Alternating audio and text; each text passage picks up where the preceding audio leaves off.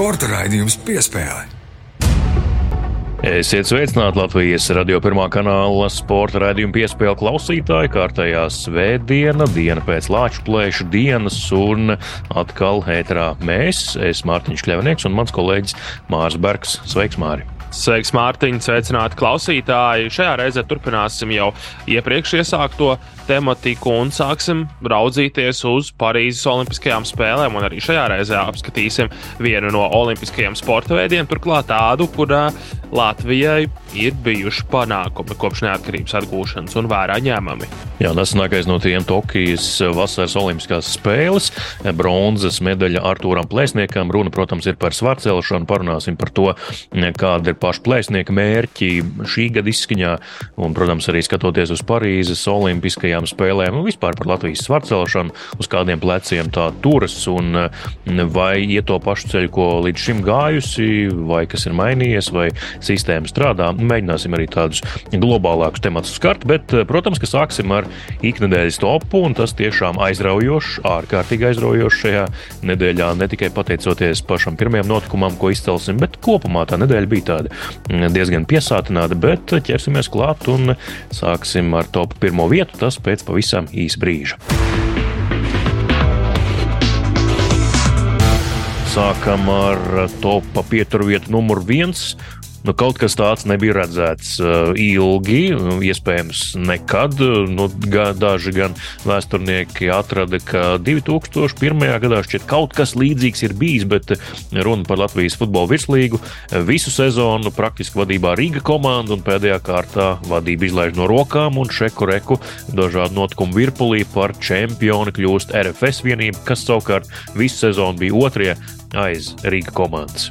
Jā, nu šīs divas komandas, protams, galvas tiesu pārākas pār pārējām virslīgas komandām. Ļoti ātri kļuva skaidrs, ka tieši šīs divas komandas savā starpā sadalīs čempionu titulu.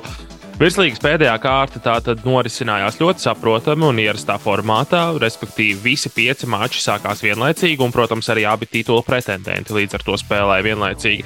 Pēc puslaika abos mačos 0-0. Tobrīd viss iet pēc FC Rīga plāna, jo viņiem neizšķirs abās spēlēs ļoti labi derēja, bet tad FC Rīga ielaiž vārtus spēlē Valmierā, Beig beigās viņi gan atspēlējās, bet ar to bija par maz. Un tad vēl paralēli RFS, paralēli notiekošajā spēlē Jānis Ikaunieks iesit un iedzen tādu nu, ļoti lielu un spēcīgu naglu FC Rīga titulu cerībās.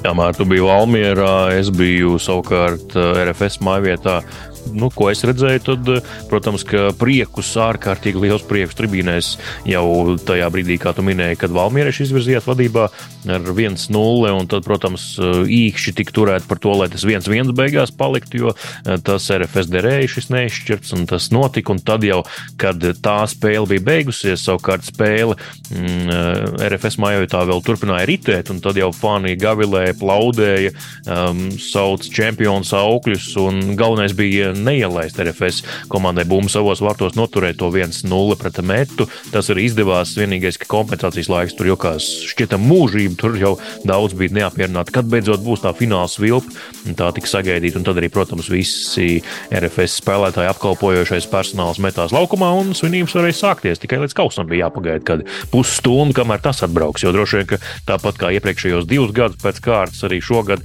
nu, kausam bija jādežūrē starp divām pilsētām. Ja pirms diviem gadiem starp Rīgu un Daugopilu, pirms gada starp uh, Rīgu un Liepāju, tad šogad starp Rīgu un Valmieru. Kaus dežūrēja aptuveni ap Raganu ar Maksimu Krivuņiecu, ar virslīgas uh, vadītāju pie automašīnas stūres, un tad viņiem, protams, arī bija jāpieņem lēmumi doties uz Valmieru vai tomēr griezties riņķī un atgriezties atpakaļ galvaspilsētā, lai kausu pasniegtu RFS. Cik mēs Valmjerā dzirdējām, tad jau pirms spēles beigām Maksims Krivuņets bija apgriezies braukšanai pretējā virzienā un devās Rīgas virzienā. FC Rīga patiesībā varēja izraut uzvaru, viņiem bija iespējas iesist, paši tās neizmantoja. Nu, jā, un Valmiera arī otrajā puslaikā tā gaisotne bija diezgan, diezgan nokaitēta. Un, tad, kad RFS izvirzījās vadībā, ļoti daudzi cilvēki, vai tas bija kaut kādos tiešsaistes protokolos, vai vienkārši skatoties video translāciju savās viedierīcēs, bet sekoja līdzi šai otrai spēlei. Un tad, kad RFS izvirzījās vadībā, tad uh, Valmjerā, Jāņa Daliņa stadionā sāka skanēt saukļi RFS, RFS. Jā, un Valmjerieši arī, protams, ļoti priecīgi bija pēc šīs spēles, tomēr neizšķirts pret līdervienību. Tas viņiem šādā, nu, sezonā, kas nav izdevusies, viņi neaizstāvēja savu čempionu titulu. Tomēr uh, arī ir kaut kādā ziņā panākums, lai gan Jurģis Kalns, galvenais treneris šai komandai, saka, ka par neizšķirtu priecāties nedrīkst, bet nu, gan jau kaut kāds gandarījums vismaz bija. Jā, nenoturēt uzvaru, bet kopumā mm, Audai pirmo reizi bronzas medaļu, tātad virslīgā čempiona Valmiera paliek 4. liepainieki mm, pēc kārtējās pārbūves droši vien sāks atkal jaunu. Nu, principā izgāšanās jau kuro sezonu pēc kārtas arī liepainiekiem 5. vieta. Nu, tu, tur pārējās komandas sadalās dažādi, to droši vien visu neiztirzāsim. Galvenais, kas atkal jāizceļ, ka meta joprojām kā katru gadu 9. un atkal cīnīsies pārspēlēs par vietas saglabāšanu virslīgā. Jā, un Supernova tātad paliek pēdējā desmitajā vietā, un viņiem būtu jāatstāj virslīga, bet, protams, zinām, kā tas mācās būt ar licencēšanas procedūrām ziemā, tāpēc eh, neteiksim hop pirms laika, kas zina, varbūt Supernova tomēr spēlēs arī nākamā gada virslīgā, jo Vienkārši tie klubi, kas spēlē līgu zemāk, varbūt nespēs izpildīt prasību. Par RFS prieks viņiem otrais čempionu tituls eh, trīs gadu laikā, tātad 2021. Eh, gadā arī viņi kļuva par čempioniem. Toreiz Daugopilī tādā ļoti lietainā laikā un dragnā eh, varēja svinēt, bet nosacīt, jo tas bija tomēr vēl pandēmijas laiks, un tās svinības bija ļoti ierobežotas. Cik es atceros, Mārs Verpakovskis, eh, komandas ģenerāldirektors, pēc tam arī Latvijas radio stāstīja, ka nu, autobusā un viss, nekur citur jau nebija ne pasākuma, nekā tam līdzīga nebija, jo vienkārši bija ierobežojumi, pulcēties nedrīkstēja. Tagad gan jau, ka viņi nosvinēs gan par to gadu, gan arī par šo gadu. Savukārt, Rīgas gadījumā, nu, jautājumi, protams, par to, vai paliek vai nepaliek eh, komandā galvenais treneris Tomislavs Stipičs, jo šai komandai komandai ir tikai viens mērķis - virslīgas zelts. Jā, no RFS gadījumā noteikti arī nevajadzētu aizsvinēties. Tomēr daļai spēlētāju, tīpaši latviešu spēlētājiem, RFS sastāvā jau ir jādodas uz izlases nometni, kas sākas jau nākamās nedēļas pašā sākumā, gatavošanās spēlēm pret Horvātiju un Poliju. Tas ir atsevišķs temats par to. Vairāk, protams, runāsim nākamās nedēļas gaitā, gan sporta ziņās, gan arī citos raidījumos. Bet FC Rīga, jā, tieši par to arī gribēju teikt, vai Tomislavs Stipičs paliks amatā. Visu gadu, kopš pavasara, agras sezonas sākuma, FC Rīga visu laiku bija vadībā, un tad pēdējā kārtā viss sabrūk. Viss šis kāršu namiņš vienkārši izjūga pa vīlēm. Nu, tas ir jautājums. Un šī komanda treneris tiešām maina kā zēķis. Es nebrīnos, ka leģionāri tur divas trešdaļas no tiem, kas bija nākamgad, nebūs. Zinām, ka FC Rīga vadībai nav pacietības. Un otrā pieturvieta šīs nedēļas spilgtāko notikumu topā - Nacionālā hokeja līga un viens no latviešiem - debitants Uvis Jānis Balīnskis. 27 gadu vecumā debitē Nacionālajā hokeja līgā. Tas jau tāds eh, notikums ar bārdu, ja mēs tā varam sacīt, jo aptuveni pirms mēneša norisinājās savukārt eh, nu, šonadēļ viņš arī gal galā sestdienas rītā varēja pēc Latvijas laika sestdienas rītā Latvijas plēšu dienā, savukārt pēc Amerikas laika vēl Mārtiņa dienā, 10. novembrī novembrī varēja uh, plati smaidīt, jo iemeta savu pirmo ripu Nacionālajā hokeja līgā. Turklāt, pēc tam, kad atgriezās sastāvā, izlaidis divas spēles nu, un apliecināja sevi kā vismaz Panthers uh, komandas galvenais treneris Pols Morīs izteicās, tad uh, jaunā kvalitātē esot bijis vēl ātrāks, mobilāks, kā saka, vēl vairāk iekļāvās tajās prasībās, ko komanda no viņa, viņa vēlas sagaidīt. Un Šekoreku arī pirmā arī. Protams, ka nu, tur daudz teiks, nu jā, bet Meķu Kačaks jau izdarīja visu lielo darbu, tur tādu piespēlīt kā, kā konfektīti uzservēja uz zelta paplāts, bet, nu, ir arī jātrāp tādā situācijā vārtos. Nu, ja mēs tā skatāmies, tad es teiktu, ka ļoti daudz darba izdarīja Somu uzbrucējs Lūstrainens, kas vispār iesāka visu šo situāciju, kas pēc tam izveidojās, kur Meķūta Kačāks atrada Uvi Palīnski pie tālā vārtu staba. Tiešām, ja mēs te sākam mētāties ar uzslavām partneriem, tad Lūstrainens ir pirmais, kas tās ir pelnījis. Bet, protams, Meķūta Kačāks arī ļoti meistarīgi pārcēla ripu pāri divu aizsargu nūjām. Tā skaisti plakani nosēdās uz ledus tieši Uvim Balinskam uz nūjas. Nu, tad viņš jau arī, protams, zina, ko tādās situācijās darīt. Un, nu, galu galā mēs par Uvu esam runājuši kā uzbrukošā stila aizsargu. Nu, viņš arī vārtus guva, kā uzbrukošā stilā aizsargam pienākas no vārtu priekšas. Ko tas nozīmē tālāk? Nu, joprojām Panthers nav pilns aizsargu sastāvs. Mm, Ārons Egblats un arī Brenons Montūrs joprojām ir ar to sarkano krustiņu pie saviem uzvārdiem, kā savainotie. Bet, uh, jebkurā gadījumā, vai tas nozīmē, ka viņš kaut kādus pamatus lielākus ir iecementējis, palikt pamatsešniekā, vai tomēr šādi vārdi neko daudz nenozīmē? Nu, to mēs, protams, nezinām. Tā arī būtu tāda spekulēšana, teikt un runāt Panthers treneru un arī menedžmenta vārdā. Es domāju, ka tas neko daudz nenozīmē. Tie ir tikai vieni vārti, nu, un galu galā nāk atpakaļ divi labākie komandas aizsargi.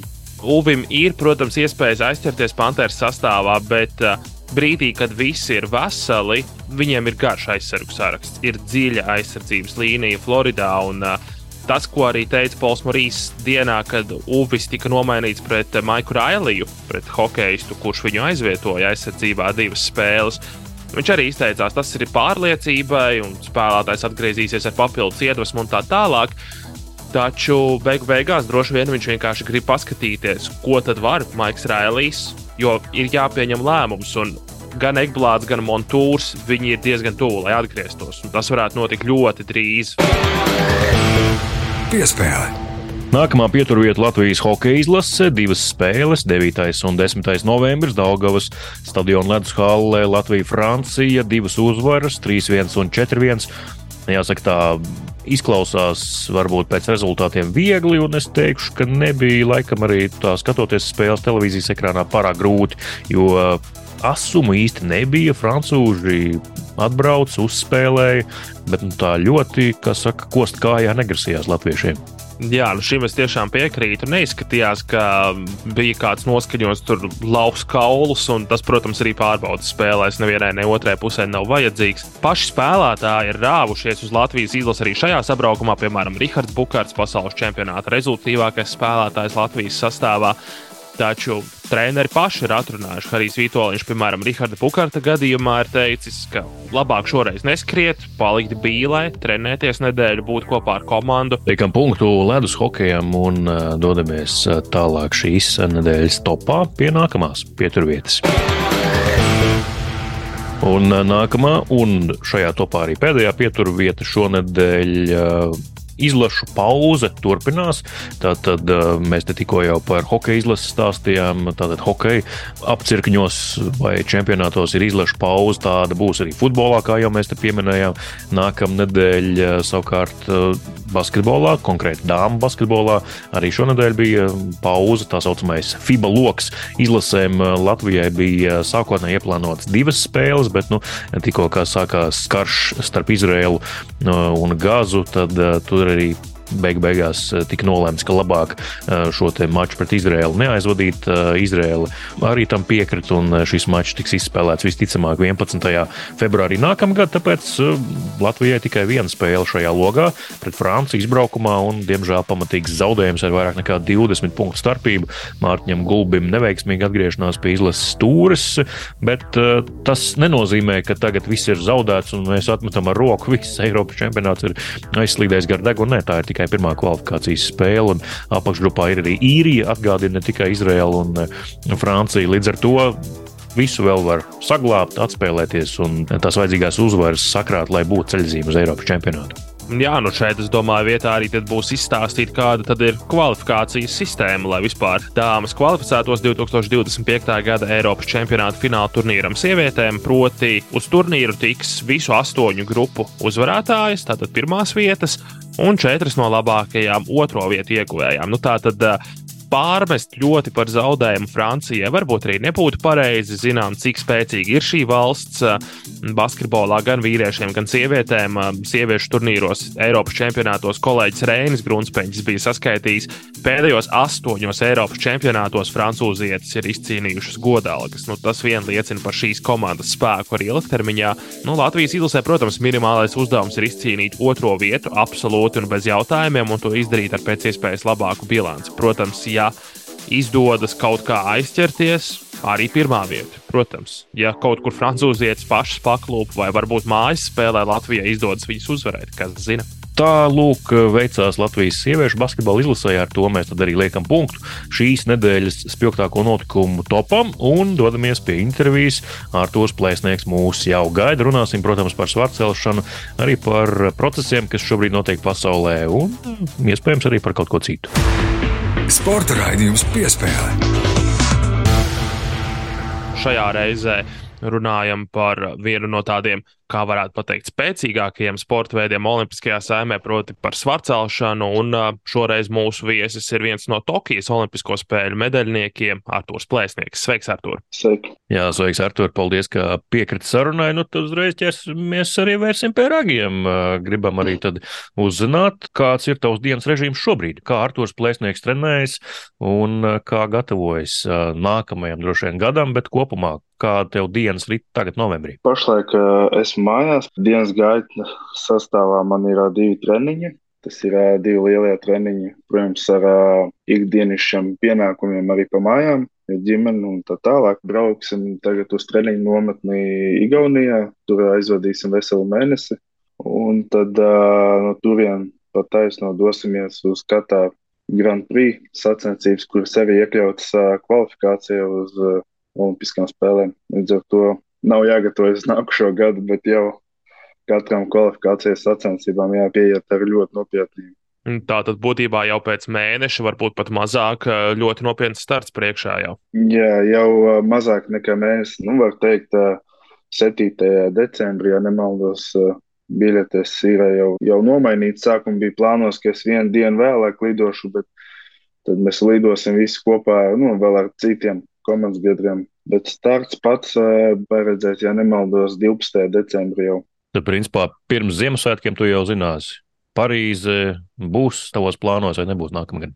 Tā kvalifikācijas sistēma nedaudz ir pamainījusies, jo uz uh, Tokio Olimpiskām spēlēm bija ne tikai jāpiedalās obligāti nozīmīgās sacensībās, pasaules Eiropas čempionātos, tas ir zelta kvalifikācijas sistēmā, un tad ir sudraba un bronzas. Tas ir atkarīgi no turnīra un cik valsts piedalās tajā. Un tur bija jākrāj punktu skaits. Bet tagad ir vecā sistēma, tas, kas bija līdz šim brīdim. Tev jāuzceļ lielāku svaru, nu, tā kā ne svaru, bet uh, kopsumu. Un, bet tev arī nozīmīgajās sacensībās, kur ir parādīts, ka pas, sākot ar pagājušā gada pasaules čempionātu Kolumbijā, šogad Eiropas čempionātu, pasaules čempionātu un e, tagad uh, turnīrs Grand Prix Katārā. Nākamgad mums ir Eiropas čempionāts un pasaules kausa aprīlī. Aizemē. Mums ir šitie seši vai pieci kvalifikācijas sacensībām. Nav svarīgi, vai tu startē, vai tu piedalies. Galvenais, lai tu esi protokolā. Ja tu neesi protokolā, tad tu arī nedrīksti, nu, vēlāk tev var būt sarežģījumi, ka tu esi kvalificējies vai tiec izslēgts no kvalifikācijas sistēmas priekš Olimpiskām spēlēm, jo tāpēc, ka tu esi ka izlaidis viens sacensības vai otrs. Bet cik tad ir jāceļ, un nu, vai tu esi uzcēlis pēc savām domām to, cik vajag, vai, vai vēl mazliet jāpieliek? Prātā nē, nu, prātā vienmēr var vairāk uzcelt, bet uh, ir jāpieliek, jo katru sacensības tagad it kā maz drusciņi pielieku, bet tas ar to nepietiek. Un arī tie 390, 392 arī nepietiks. Es uzskatu, sākot ar 396 un augstāk kopvērtējumā jāuzceļ. Pirms mēs ķeramies vēl pie tevis klāt, ja sacensības katrā Vai tas nozīmē, ka arī Rebeku tur kaut kur varētu ieraudzīt zem katras karoga? Kā, ko tu esi dzirdējis? Es, es domāju, ka nav. Es sen viņu neesmu dzirdējis, bet uh, es domāju, ka nē, tas ir. Uh, jau vairāki cilvēki ir jautājuši, kā tur Rebeka ir dzirdējis, ka viņa atsāka, un zem citu karogu es teicu, ka tas vecās ziņas, jo tas bija gada sākums, janvārs, februārs, jā, viņa mēģināja, bet, kā mēs zinām, viņai mazols ir pie krūts, un līdz ar to sievietei grūti Jo to, tāpēc, ka nu, sportot profesionāli, un jā, tu vari mājās padarboties priekš sevis, bet profesionāli sportot un vēl ar bērnu, tas ir ļoti sarežģīti. Kopš tā laika nav nekas dzirdēts, un, un jā, es domāju, ka ne, neredzēsim viņu tur. Kāds tev, Artur, bija šis gads pastāst radio klausītājiem? Nu, gads tūlīt jau gan arī noslēgsies, tu jau sacīji, ka redz, decembris būs īpaši atbildīgs, bet līdz šim kā tev ir gājis uh, Eiropas čempionāts, ceturtā vieta, ja, ja nekļūdos? Pasaules čempionāts arī tagad septembrī, ja mani atmiņa neviļ, tad šķiet desmitā vieta summā. Jā, Es uh, biju diezgan ilgi, pusotru mēnesi treniņu nometnē pirms pasaules čempionāta. Es nezinu, es sākumā it kā nometnē biju jūties diezgan labi, viss kārtībā, bet ar laiku ejot kaut kur sevi bija šī tā, varat uh, morāli pazaudēt, jo bija diezgan grūti, tas diezgan smagi, jo tā ir rutīna. Beig beigās it kā uzlaboja rezultātu, bet ne, nebija uh, tik pārliecinoši tas sniegums ko varēja varat eh, labāk gaidīt treniņu nometnes sākumā. Bet uh, par Eiropas čempionātu man ir tā, ka sakot no pagājušā gada pasaules čempionāta, it kā nāk klāt nedaudz tā kopvērtējumā, nu, tā kopsumā, ja, pie kilogramu, bet uh, nav uh, to, ko es vēlētos. Protams, es vēlos vairāk, bet uh, jāņem vērā, ka jaunu svaru kategoriju un es vēl nespēju īsti atrast to uh, adaptēšanās pozīciju. Pieņemsim, darba svaram, svaru kategorijai man ir jābūt nu, kādi 104, 104,5. Līdz 102 svaru kategorijām man ir. Un tad, kad ir zem 102 jātiek uz sacensībām, tad ir sajūta pavisam savādāks nekā 104, kad tas cilās tieni, jo tāpēc uzreiz, nu, es neteikšu, ka koordinācijas zudums vai vēl kaut kas, bet tā pašsajūta tai savādāk nāk kaut kāds reibons brīžiem, nu, tāds sajūta, bet, nu, tā jau sportistiem tas visu laiku vienkārši jāatrod to savu vidusceļu. Pieņemsim, man nedrīkst, lai pārsniegtu vairāk par 104,5 vai 105 kg treniņu posmu vai nometņu posmu laikā. Savādāk pēc tam grūti atpakaļ tuvāk līdz 102 tikt. Tas viens, un arī uh, sajūta atšķirība ir uh, ļoti, ļoti jūtama. Jo es visu laiku strādāju tikai uz augšu. Es nebiju strādājis tā, kā savu kategoriju uz leju. Ja es biju audzis un gājis priekšu tikai. Līdz ar to man var tas kaut kādā ziņā, jā, bišķi sarežģītāk. Jā, tu jau pieskāries šīm svara kategorijām. Tātad uh, no 14 kategorijām kungiem, dāmām Olimpiskajās spēlēs 10 ir palikušas, 5 tātad jums, arī vīriem 61, 73, 89, tevis minētās 102 un 102. Plus. Kāpēc 102, nevis 102 plus? Tur tomēr tajā lielajā kategorijā pārāk jau, jau gruntīgi vīri startē. Jā, jā, tas ir viens. Un otrs, tur nav tik viegli pieņemsim uzņemt, jo ir cilvēki, kuri no Armēnijas, kas man bija jā, priekšā Olimpiskajās spēlēs, un no Uzbekistānas. 109 startēt, viņi svēra, man liekas, pat 118, 120. Viņi startēja 109 savā kategorijā. Kaut kāda viņam jau tā bija iekšēji, nu, tā kā fizioloģiski jau ir sajutuši to, ka viņam svars ir bijis ap 120. Līdz ar to viņam varat kaut kas nu, uz priekšu ejot, plusos tad arī uh, aizies labāk. Man lielākais ir bijis, kad es līdz 109 startēju. 115, bet tas bija nu, nereāli vienkārši pārveidoties. Nu, tā, ka tu tur visu kaut ko tur met iekšā vienkārši. lai krāsnes pilna ar malku, kā saka. Ja? Lai, lai, lai enerģija nāk. Mm. Cik es biju svēris, eh, kad es startēju līdz 109, eh, man bieži bija sastopams svars ap 108, ne vairāk. Dažreiz ir tā, ka tu speciāli pat uh, centies noturēt, uzņemot to svaru, piemēram, uz Olimpiskām spēlēm. Es uh, tur svīdu, un, un, un tur bija karsts. Tokio speciāli dzēru vairāk proteīnu no rīta un uh, pa dienu varētu to, jo ēst to ēd, bet tev nav tāds apetīts. Un man vienkārši sāks visu laiku bija turējās knapi virs 108. Beigās neatceros, vai es noturēju vai nē, 108,5 vai 108,6 es nosvēros. Un uh, man jau bija grūti noturēt. Tas pats arī problēma bija līdz 105. Es visu laiku ap 103, 104 svārs man bija. Un uh, līdz ar to, lai plusos, ja tev vismaz ir jāuzņem kāda 130, tas ir minimāli. Un mūsu lēmums bija labāk līdz 102. Kategorijas ir loģiskas, tavuprāt, nu, tādas, kādas tās ir tagad? Jā, vai tas ir labs lēmums samazināt šo svaru kategoriju skaitu? Varbūt iepriekšējā sistēma bija gana laba. Man patika, jā, līdz 109. es nevaru sūdzēties, bet uh, nu, man ļoti labi patika pēc vecās uh, sistēmas svaru kategorijas, kad bija līdz 105, līdz 94, līdz 85, līdz 77 un zemākajā, un uh, plus 105. Bet uh, tad atkal mainīja dēļ uh, dopinga skandāla. Bija vairākas kategorijas, kur nu, bija šausmas vienkārši pat Olimpiskajās spēlēs, un tika nu, atkārtoti pārbaudīti. Tur bija cilvēkiem, kuriem tas ilgiem laikiem atrasts, ja, un tur Pekinā, tad Londonā. Jā, nu pieskāries jau šiem dopinga skandāliem svarcelšanā. Š, šī iemesla dēļ ir izskanējis, ka svarcelšana varētu pat vispār izņemt no Olimpiskajām spēlēm nākotnē. Vai tas tevi satrauc? Uh, nē, nē, nē. Nesen uh, pāris nedēļas atpakaļ oficiāli tika paziņots, uh, ka jā, būs uh, Losandželosā, būs jā. uh, arī svarcelšana. Bet tā uh, sākuma, protams, uztrauc, jo tomēr, nu, svarcelšana, var teikt, vairāk nekā pusmūža. Esmu tur pat vairāk.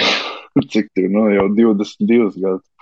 Tas arī liekas tāds nu, klasisks olimpisks sporta veids un disciplīna, kurā sacensties tieši Olimpiskajās spēlēs. Nu, jā, jo viņi ir kopš pirmsākumiem 1896. gada, cik es tā, nu, esmu lasījis un dzirdējis, ja nemaldos, protams.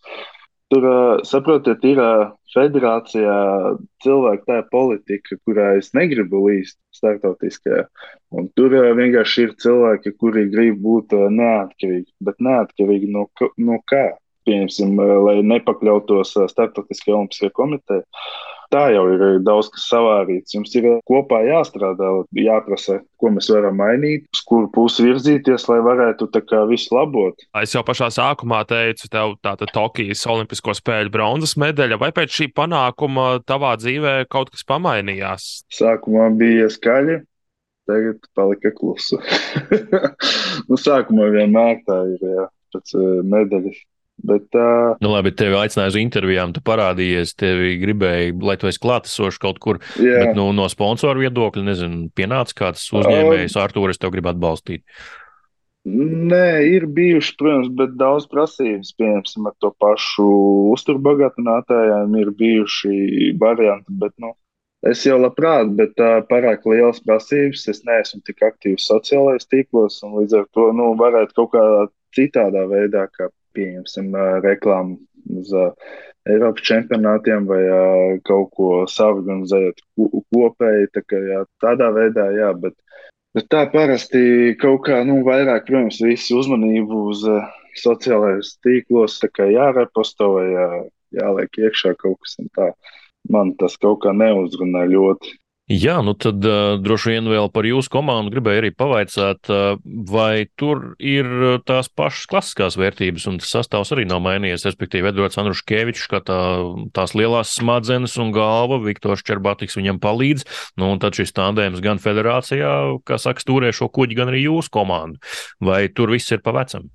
Es domāju, ka pa jaunam nebūs vēl kādu laiku. nav, Protams, ja nav, nav iespējamo aizvietotāju, viņiem neredz pagaidām. Nu, es domāju, tur vienkārši jāskatās uz attīstību pusi, jo tomēr mums tā sacelšana Latvijā jau paliek tāda, teiksim, reģionos, mazākus reģionos darbojas, jo, piemēram, saldu vispār vairs nav. Tas ir ļoti liels mīnus, jo mēs jau tā kā vajadzēja paplašināties tajā kartē, bet mums, diemžēl, jā, samazinās. Nē, es domāju, ka vajadzētu kaut kādu tādu nelielu sadarbību kopā ar uh, LSPA, Latvijas Sporta pedagoģiskā akadēmiju, lai varētu arī novirzīt kādus trenerus, speciālistus, uh, izmācīt un uh, rastos. Nav obligāti viņam jābūt tieši nākt no sacelšanas. Pietiek ar to cilvēkam, ja viņam pamatā ir kaut kādas iemaņas, kaut vai trīs cīņā, ja, vai tajā pašā, nu, kur viņš darbojas, kaut ko, to fizisko sagatavotību, to stieni, kaut vai no crossfit. Artūrs sarunas noslēgumā, nu, tas temats, kas ar Parīzes Olimpiskajām spēlēm arī saistās, mums aptuveni 5 minūtes vēl palikuši šajā sarunā.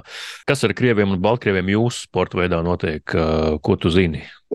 Tas politiskais jautājums. Ziniet, atbildēšu vienu, citiem nepatiks, atbildēšu otru. Tiem nepatiks. Bet uh, mans uzskats tā, ka es, es nevēlētos, lai viņus pieliež. Es tiešām godu vārdu saku, es nevēlos, bet es nevēlos to iespēju.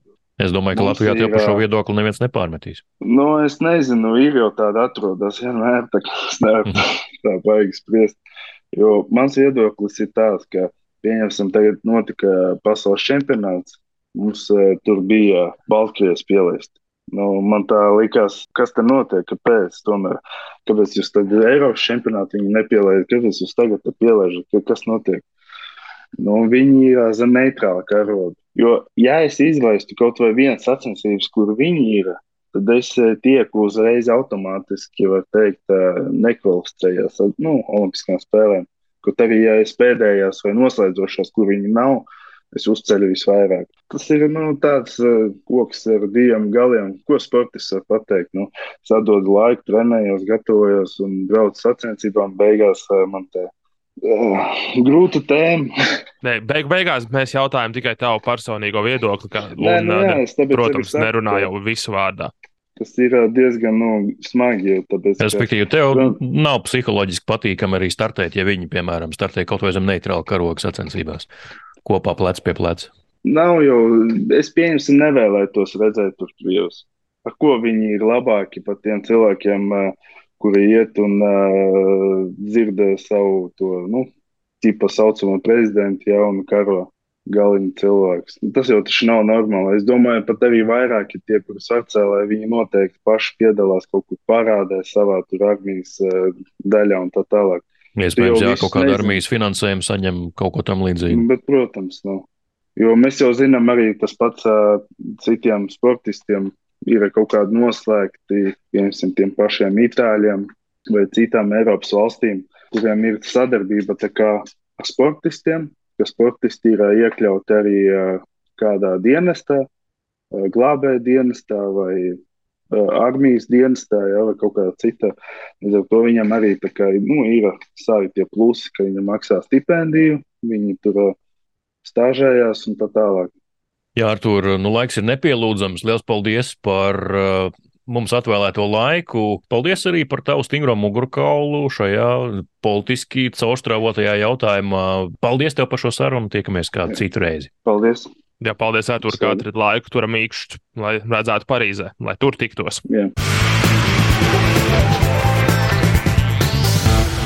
Piespēle!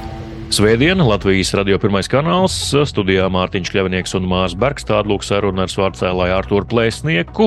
Um, nu, izteica viņš savas domas arī um, par uh, ģeopolitisko situāciju uh, šobrīd mūsu reģionā. Nu, tas skaidrs, ka noteiks daudz, um, kas būs Latviešu olimpiešu noskaņojums, ko nolems Startautiskā olimpiskā komiteja, bet eh, nu, par to īsti jēga šobrīd nav runāt, jo visticamāk, ka tas notiks tikai kaut kad nākamā gada pavasarī un pietiekami vēlu iespējams, tā lai uh, tas būtu iespējams tuvu Olimpiskajām spēlēm. Bet, uh, Latvijā svarcelšana, kā jau mēs redzējām, sākumā minējām, ir ar ļoti dziļām tradīcijām? Atceramies, 90. gados Raimons Bergmanis, tagad politiķis jau ilgu laiku, bet 90. gados veiksmīgs svarcēlājs, vēlāk arī spēka vīrs. Tāpat arī Viktors Čerbatis vairāk kārt ir kļuvis par olimpisko medaļnieku, izcīnījis arī citās sacensībās godalgotās pozīcijas. Tagad viņš kļuvis par svarcelšanas funkcionāru, treneri. Nu, un Arthurs Plēsnieks ir viens no tiem, kurš uh, turpina iesākto, ir pārņēmis šo stafetiskā rogu, kļuvis par Latvijas svarcelšanas līderi. Bet mūsu kolēģis Reinis Grunsteņš atskatījās uz Latvijas svarcelšanas labākajiem brīžiem, lielākajiem sasniegumiem un arī uz spilgtākajām, sāpīgākajām neveiksmēm. Klausāmies! Vēstures stūrītis! Smagatlētikas sporta pirmsākumi Latvijā meklējami 19. gadsimta beigās, kas uzskatāms arī kopumā par mūsdienu sporta attīstības sākumu. Tolaik liela nozīme svarcelšanas popularizēšanā bija cirkam, kur dažādi stiprinieki uzstājās ar spēka un izveicības demonstrējumiem. Pulciņam rīznieku, kuri pastāvīgi apmeklēja cirku, radās vēlēšanās arī pašiem nodarboties ar līdzīgiem vingrinājumiem. Tā 1889. gadā tika dibināts pirmais svarcelšanas pulciņš. Deviņiem entuziastiem divreiz nedēļā vakaros sanākot kopā toreizējā Solomonska cirka telpās. Viņi cēla akmens un dzelzs svara bumbas, vēlāk arī pašas gatavotu svara stieni, kura abos galos bija akmens lodes. 1905. gadā tika organizētas pirmās Baltijas meistarsacīkstes. Neilgi pirms Pirmā pasaules kara Latvijas svarcēlāji bija vieni no spēcīgākajiem Eiropā. 1913. gadā Jānis Krauze kļuva par pirmo latvieti pasaules rekordistu, grūšanā ar labo roku paceļot 102,4 kg. 1914. gadā latviešiem piederēja seši pasaules rekordi svarcelšanā. Lieli panākumi tika gūti arī iegūstot Latvijas neatkarību. 1922. gada pasaules čempionātā Tallinā sudraba medaļas izcīnīja Alberts Ozoliņš un Kārlis Leilands. Gadu vēlāk pasaules čempionātā Vīnē Ozoliņš izcīnīja vēl vienu medaļu bronzu. Olimpiskajās spēlēs tolaik augstāko panākumu sasniedza Leilands, 4. vieta 1928. gadā Amsterdamā. Padomju laikos ar spilgtākajiem panākumiem izcēlās Krievijā dzimuši, bet uz Latviju pārvākušies sportisti. Vasilijs Stepanovs 1956. gada Melburnas Olimpiskajās spēlēs izcīnīja sudrabu, summā paceldams 427,5 kg, kas bija par 20 kg mazāk nekā amerikānim Tomijam Kono. Stepanovs kļuva arī par Eiropas čempionu un pasaules vicečempionu. 1970. gadā Genādijs Ivančenko sasniedza izcilu pasaules rekordu vidējā svara kategorijā. Viņš bija pirmais pasaulē, kas trīs cīņā sasniedza 500 kg robežu. Tomēr spilgtākais panākums Latvijas svarcelšanas vēsturē gūts 2007. gada pasaules čempionātā Taizemē, kad Viktors Šķerbatis kļuva par pasaules čempionu supersmagā svara kategorijā virs 105 kg. Tā joprojām ir vienīgā Latvijas uzvara lielajās pasaules mēroga svarcelšanas sacensībās. Savas taktiķa spējas svaru pieteikšanā izcili apliecināja Šķerbatika treneris Eduards Andruškevičs, kurš grūšanā pieteica lielāku svaru nekā galvenais konkurents Jevgeņijs Čigiševs no Krievijas bija gaidījis. Ņemot vērā, ka pēc raušanas Čigiševs bija iedzinējos, tas lika Krievijas svarcēlājiem pieteikt vēl lielāku svaru, ar kuru Čigiševs galā netika. Šķerbatiks summā pacēla 442 kg par vienu vairāk nekā Čigiševam. Šķerbatiks ir visu laiku titulētākais Latvijas svarcēlājs, kļūdams arī par pieckārtēju Eiropas čempionu un izcīnīdams divas medaļas Olimpiskajās spēlēs - sudrabu 2004. gadā Atēnās un bronzu 2008. gadā Pekinā. Vistuvāk zeltam viņš bija tieši Pekinā, kad pēdējā mēģinājumā 257 kg smago stieni, kas ļautu izcīnīt zeltu, virs galvas dabūja, taču nenofiksēja. Nesenākajā vēsturē ar panākumiem izcēlušies Artūrs Plēsnieks, Ritvars Suharevs un Rebeka Ibrahima, bijusī Koha. Plēsnieks kļuvis par Eiropas čempionu, pasaules vicečempionu un Tokijas Olimpisko spēļu bronzas medaļnieku. Suharevs šogad izcīnīja savu pirmo Eiropas titulu, savukārt Ibrahimas kontā ir divi Eiropas tituli un divas pasaules čempionāta bronzas. 2020. gadā sportiste apprecējās ar Kataras vieglatlētu Moazu Mohamedu Ibrahimu un pievērsās islāmam. Šobrīd viņa pārstāv Kataru, taču uzskatāma par pirmo sieviešu svarcēlāju no Latvijas, kas izcēlusies ar pasaules mēroga panākumiem. Bez augstiem sasniegumiem un panākumiem Latvijas svarcelšanā piedzīvotas arī neveiksmes un vilšanās brīži. Viens no tādiem bija 2000. gada Sidnejas Olimpiskajās spēlēs, kad Raimons Bergmanis jau pirmajā mēģinājumā guva smagu rokas savainojumu. Ceļot 180 kg smagu stieni, labās rokas elkonis izgriezās uz pretējo pusi. Pēc šīs traumas viņš savu svarcēlāju karjeru noslēdza, taču vēlāk kļuva par lielisku spēka vīru. Pēdējā laika lielākā neveiksme saistās ar Artūra Plēsnieka startu 2016. gada Olimpiskajās spēlēs Rio de Janeiro. Pirms četrgadas nozīmīgākā starta viņš bija izcīnījis pasaules bronzu un Eiropas zeltu, taču Rio ierindojās tikai astotajā vietā. Raušanā viņš uzlaboja personisko rekordu, taču pievīla grūšana. Pēc sacensībām Plēsnieks bija paškritisks, atzīstot, ka izgāzies kā veca sēta. Latvijas svarcelšanā nav iztrūkuši arī dopinga gadījumi. 2001. gadā divu gadu diskvalifikāciju par antidopinga noteikumu pārkāpšanu saņēma Latvijas titulētākais svarcēlājs Viktors Čerbatihs.